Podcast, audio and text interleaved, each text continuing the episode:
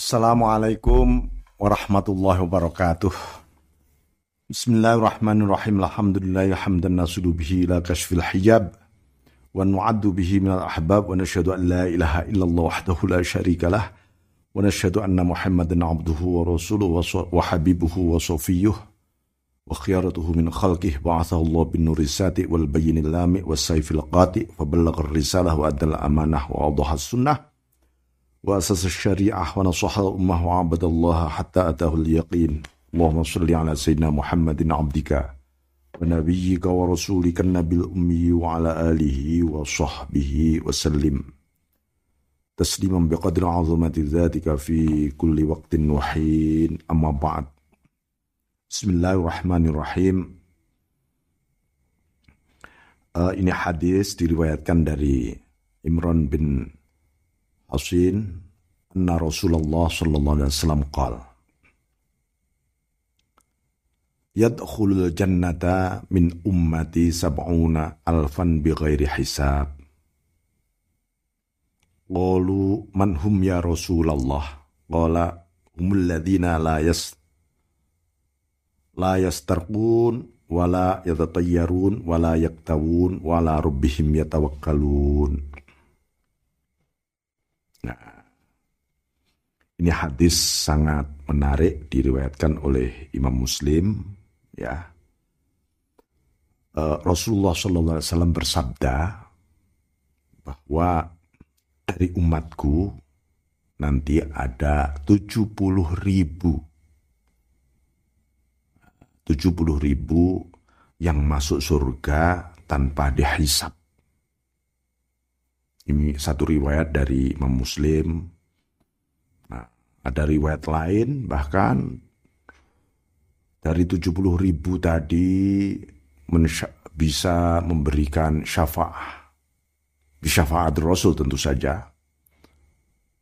Berlipat ganda. Berlipat ganda. Yang tanpa dihisap. Tapi karakter orang yang di antara orang yang tidak dihisap oleh Allah ini manhum ini pertanyaan para sahabat. Qalu manhum ya Rasulullah. Siapa ini mereka? Qala humul ladzina la yastarqun. Mereka adalah orang-orang yang tidak melakukan rukyah. Jadi maksudnya apa? Tidak berobat gitu loh ya. Wala yatatayyarun tidak merupakan tatoyur. Tatoyur itu hidupnya penuh dengan prediksi. Uh, jadi itu tatoyur.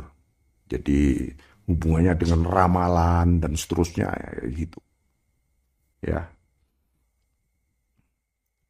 Walayak tahun tidak uh, itu ya tahun itu ini ya uh, melakukan pengobatan dengan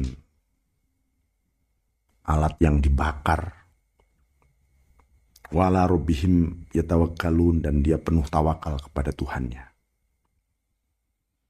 Jadi uh, ja'ala Rasulullah SAW adamat tatayyuri al al martabatus thaniyah wa ba'da wa ba'da tarkil istirqa hadha martabatul khalas min ahli in uh, in mihaq anhum wa an kaunihim fi muradillah jadi maksudnya begini. uh,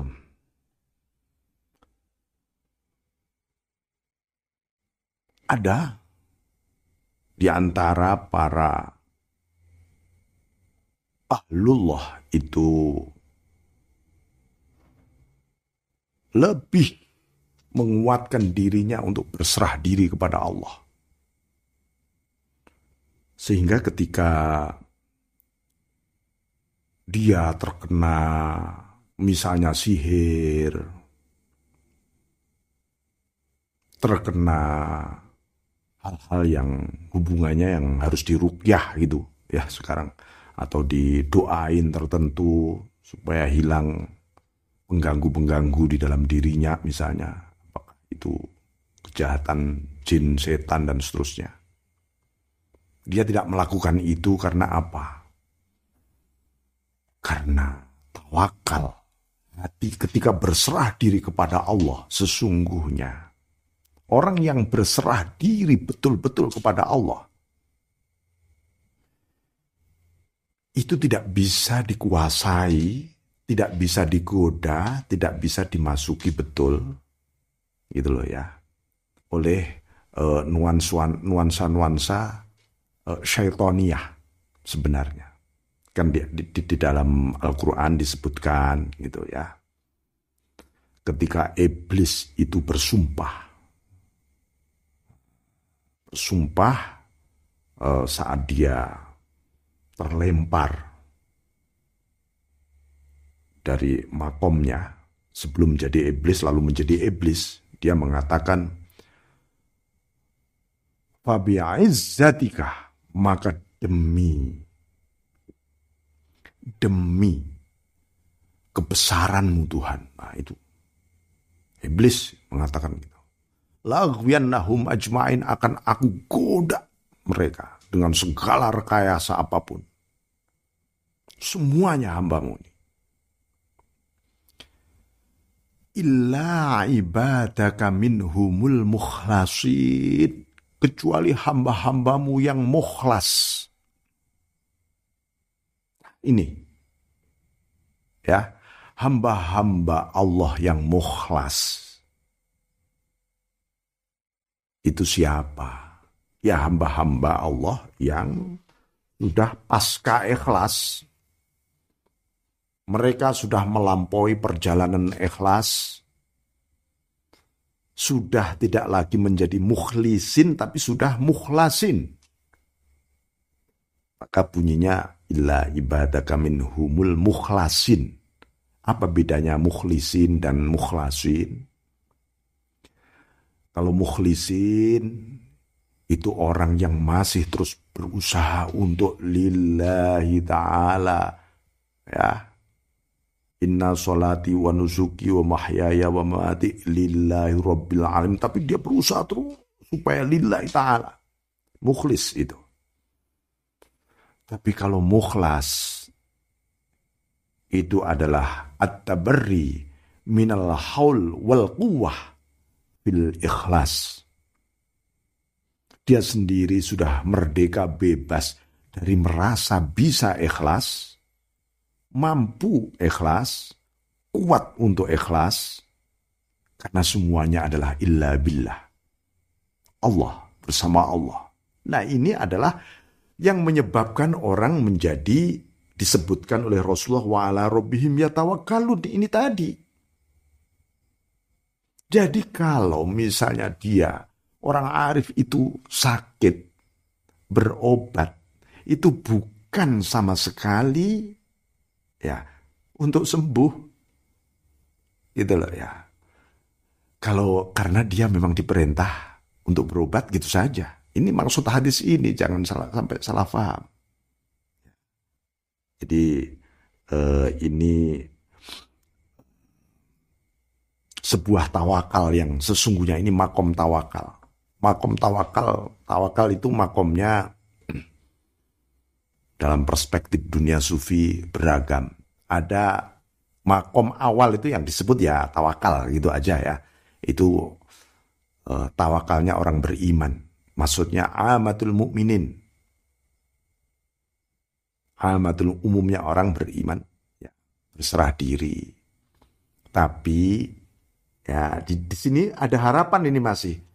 Ya Allah aku berserah diri kepadamu atas semua kehendakku diam-diam dia masih mengatakan, tolong ya Allah, supaya sukses ini kehendakku. Nah, itu tawakal sudah, tapi serahkan padamu. Dia berharap Allah mengkonfirm, mengkonfirmasi, mengiyakan seluruh keinginannya. Tapi dia tetap serahkan pada Allah. Nah itu makom tawakal. Ada lagi naik derajat tawakalnya orang-orang soleh tawakalnya para ulama itu adalah disebut tafwid at-tafwid wa ufawwidu amri ilallah. Aku serahkan total semua ini kepadamu Allah. Udah nggak mikir. Tafwid itu. Suruh perkara, serahkan pada Allah. Jadi ibarat Anda menyerahkan satu perkara satu persoalan atau satu tugas kepada orang lain, Anda serahkan, tek, aku percaya kepada kamu ya. Habis, habis itu Anda lupakan. Sukses atau tidak, ya, Anda nggak mau tahu. Dan Anda percaya begitu saja. Kalau toh pun nanti sukses, ya Alhamdulillah. Tidak sukses, ya Alhamdulillah karena Anda percaya kepada orangnya. Itu namanya tafwid. Wa ufawwidu amri ilallah. Tapi kalau tawakal kan Anda serahkan, nanti ini ya bikin laporan ya setiap bulan ya. Biar aku bisa mengevaluasi, mengkoreksi ini apa. Tapi ini semua terserah kamu dah. Gitu. Itu namanya tawakal, belum tafwid. Nah, ada yang lebih tinggi lagi dari tafwid, yaitu tawakalnya para arifun para arifun yang disebut istislam. Istislam itu bahkan dia sendiri tidak merasa mampu bertawakal. Dia sendiri sudah tidak mampu bertawakal. Ya ini Allah semua sudah. Ini. Uh, maka uh, memahami hadis ini adalah uh, apa ya? Jadi orang itu ketika berikhtiar, orang sakit berikhtiar, orang punya persoalan lalu dia mencoba untuk seakan-akan ikhtiarnya itu menyelesaikan semua masalah. Itu namanya belum bertawakal. Tapi wala robbihim yatawakkalun itu. Orang yang bertawakal itu adalah hatinya totality kepada Allah. Ketika dia berikhtiar, dia melakukan ikhtiar itu ya karena ada sebuah dorongan mewujudkan kehendak dan perintahnya Allah. Bagi para arifun misalnya, ketika beribadah bukan soal surga dan neraka. Tapi dia karena menjalankan perintah kekasihnya. Allah Rabbul Izzah. Itu lebih penting dari segala apa yang disebut reward atau sanksi. Nah, jadi ikhtiarnya menjadi sangat merdeka. Kenapa merdeka? Karena bersama Allah. Itu yang disebut esensi la haula wala quwata illa billah itu begitu. Nih ya. Bismillahirrahmanirrahim. Jadi Beliau mengingatkan ay bunayya i'lam anna man Allah haqqa ma'rifatih. Talashat himmatuhu tahta sururi wahdaniyatih wala syai'a min al-arshi ila tsura a'zama uh, min sururil arif bi rabbih.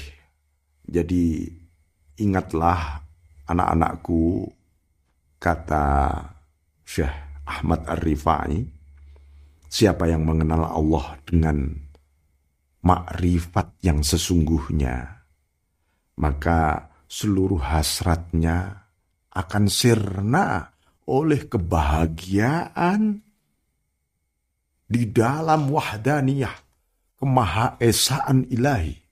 Jadi dia seperti lebur dalam karena dia merasa fana tadi, dia lebur, hangus. Yang ada adalah wahdaniyatuhu. Dan itu puncak kebahagiaan ya itu. Sampai seluruh hasratnya sendiri hilang. Itu loh. Apalagi ikhtiarnya. Wala syai'a minal arshi ila surah min sururil arif birabbi. Tak ada kebahagiaan mulai dari bumi paling bawah sampai aras yang melebihi kebahagiaan orang yang arif. Ya, kebahagiaan orang yang arif, orang yang mengenal Allah. Jadi wal jannatu bi kulli ma fiha fi jambi sururihi bi rabbih. Asuhuru min khardalatin lamma alima annahu akbar min kulli kabir wa azam min kulli azim. Bahkan surga pun di mata sang arif tak lebih dari sebiji sawi. Kecil banget. Sebiji patir kecil banget. Di mata para arifun ketika memandang keagungan ma'rifah billah ini.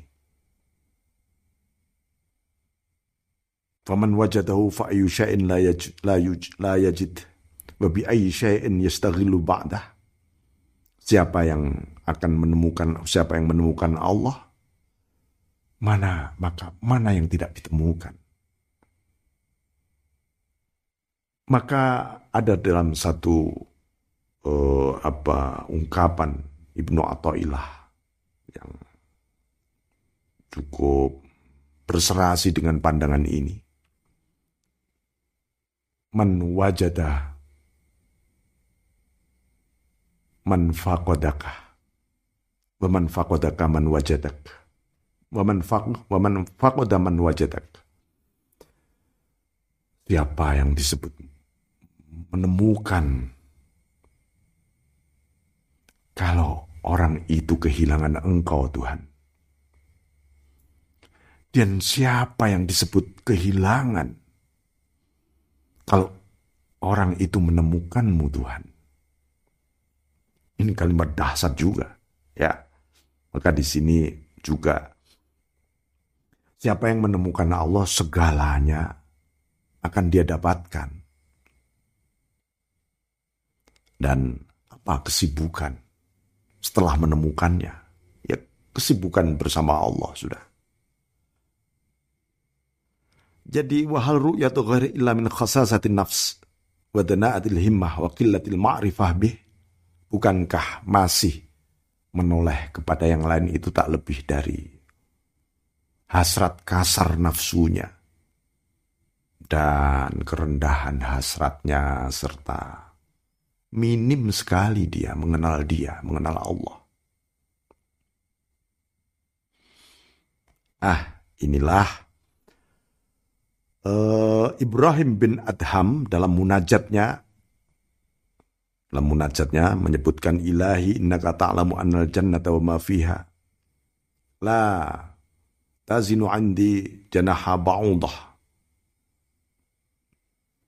Ba'dama wahabtali ma'rifatak wa farraghtani litafakkur fi azamatik wa adtani an nadhur ila wajhik Ya Tuhan kata Ibrahim bin Adham radhiyallahu an dalam munajatnya. Oh Tuhan engkau tahu Tuhan bahwa surga dan apa yang ada di dalamnya benar-benar tidak lebih dari nyamuk kecil seperti nyamuk melintas saja. Setelah aku tahu limpahan makrifatmu kepadaku. Dan membuat aku begitu intim dan mesra kepadamu. Kuhabiskan hidupku untuk tafakur dengan keagunganmu lalu engkau menjanjikan kepadaku untuk memandangmu, wajahmu. Ini menggambarkan uh, apa ya pandangan manazil uh, apa tempat-tempat stasiun kemarifatan seseorang. Naam kata Syekh Ahmad Ar-Rifai ketika menafsiri kalimatnya Ibrahim bin Adham ini. Inna adna manazil, inna adna manazil arif, anna Allah Ta'ala law adkhalahu nar wa hatu bil adab, lam yazdad qalbuhu illa hubban wa unsan bih wa syauqan ilah. Para arifun di dalam derajatnya paling rendah, ini paling rendah. Derajat paling rendah bagi sang arif itu ketika Allah memasukkan dia ke neraka dan menyiksanya. Semakin dimasukkan di neraka, semakin disiksa. Apa yang terjadi? Hatinya malah tidak bertambah kecuali bertambah cinta kepada Allah. Semakin disiksa, semakin cinta, semakin rindu, semakin bahagia dengan Allah. Kenapa? Karena ini yang menyiksa engkau juga Tuhan. Kekasihku. Ini ini ini orang arif paling rendah derajatnya saja sampai seperti ini. Ya paling mudah ya kalau gampangnya beginilah. Kalau Anda memiliki seorang kekasih, lalu Anda dicubit, Semakin Anda dicubit, semakin sayang, semakin rindu. Dicubit yang kedua, semakin sayang, semakin rindu. Itu karena apa? Karena dia mengenal sang kekasih. Coba kalau nggak mengenal. Nggak mengenal tiba-tiba dia dicubit oleh seseorang. Wah dia jangan dicubit senggol saja. Apalagi orang yang dia benci, dia marah dan tersiksa, baru disenggol saja marah dan tersiksa. Nah ini contoh paling sederhana itu begitu ya. Ibnu Sirin rahimahullah taala mengatakan la tu bainal jannah wa ini. Takhayyartu raka'atain. Lianna fil raka'ataini ridha Allah ta'ala wal qurbu minhu wa fil jannati hawan nafsi wa muhabbatun nas kalau aku disuruh milih surga dan sholat dua rakaat tentu aku memilih sholat dua rakaat. Ini standar ya standar sejauh mana makrifah seseorang kepada Allah cinta seseorang kepada Allah Kenapa? Karena di dalam sholat dua rakaat itu ada ridhomu Tuhan. Ada takarub denganmu Tuhan. Tapi di surga ada hawa nafsuku, ada kesenanganku, ada kecintaan manusia di sana. Ini maksudnya apa? ketika para arifun dimasukkan ke dalam surga, yang dipandang hanyalah cintanya Allah. Maksudnya begitu. Gitu loh. Bukan uh, seperti kita dimasukkan ke surga yang diingat-ingat adalah sesuatu yang enak, yang asik, bidadari. Itu surga paling rendah itu. Para arifun semua dilihat sebagai manifestasi cintanya Allah. Oleh karena itu, apa arti surga tanpa cintanya? Akan berubah jadi neraka. Apa arti neraka bersama cintanya? Maka seluruh adab akan sirna di sana. Mana ada surga tanpa cintanya? Apa ada surga tanpa cintanya? Mana ada neraka bersama cintanya Allah dan ridhonya Allah? Tidak akan pernah ada neraka. Nah, ini maksudnya esensi-esensi surgawi dan nerakawi itu yang harus kita fahami. Untuk memahami menjelang ma'rifah ini, buku ini ya memang begitu. Jangan sampai bingung Anda. Maka inilah di dalam kitab ini eh, kisah Nabi Ibrahim alaihissalam ketika mendapat wahyu dari Allah Subhanahu wa taala ya Ibrahim anta khalili wa ana khaliluk. Fala tasgil qalbuka biduni fatangqati'ul hullah bainaka wa baini li'anna sadiq bi da'wa khullati law uhrika bin nar lam yatahawwal qalbuhu anni ila ghairi ijlalan li hurmati hai Ibrahim kamu ini adalah sahabat intim kekasihku. Dan aku juga kekasihmu. Dan kau sibukkan hatimu selain aku. Sehingga keintiman antara diriku dan dirimu bisa terputus nanti. Orang yang mengklaim keintiman denganku, andai dibakar dengan api, sama sekali hatinya tidak ber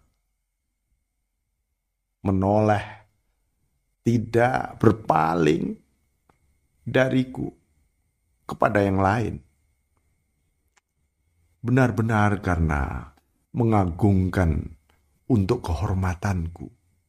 Inilah Nabi Ibrahim ketika ditawari Jibril untuk Namrud dan segalanya dihancurkan, apinya dipadamkan Nabi Ibrahim. Tidak bergeming. Kepasrahan hati yang luar biasa. Ini Nabiullah Ibrahim di makom fana. Itu seperti itu. Sehingga uh, Allah Subhanahu wa taala menyebutkan itu qala lahu rabbuhu aslim qala aslamtu li rabbil alamin. Aslim. Berserah dirilah. Aslam itu aku berserah total kepada Rabbul Alamin. Ini suasana fana. Ketika Nabi Ibrahim alaihissalam di suasana bakok, billah beliau berdoa sebagai hamba berdoa Allah banyak doanya Nabi Ibrahim tapi di wilayah fana di makom fana beliau total pasrah jadi hadis dari depan tadi menggambarkan soal kefanaan sang hamba kefanaan sang hamba. Ya. Uh, efek dari sebuah kefanaan. Maka itulah taslim yang luar biasa sampai ketika dilemparkan di tengah-tengah api pun. Ya itu dilihat adalah tindakan sang kekasih. Tindakan sang kekasih di jiwa paling dalam jadi ada satu munajat seorang arif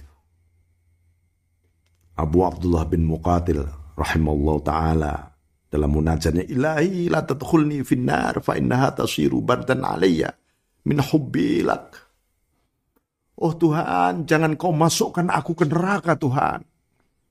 Bisa-bisa neraka ini jadi dingin semua gara-gara cintaku kepadamu Tuhan. Ini sebuah munajat yang dahsyat sekali. Ya, dahsyat sekali. Cinta membuat dingin seluruh neraka. Maka Nabiullah Ibrahim mengatakan, oh, ya, ketika begitu cintanya kepada Allah pasrah, aslam tu, li rabbil alamin. Apa yang terjadi?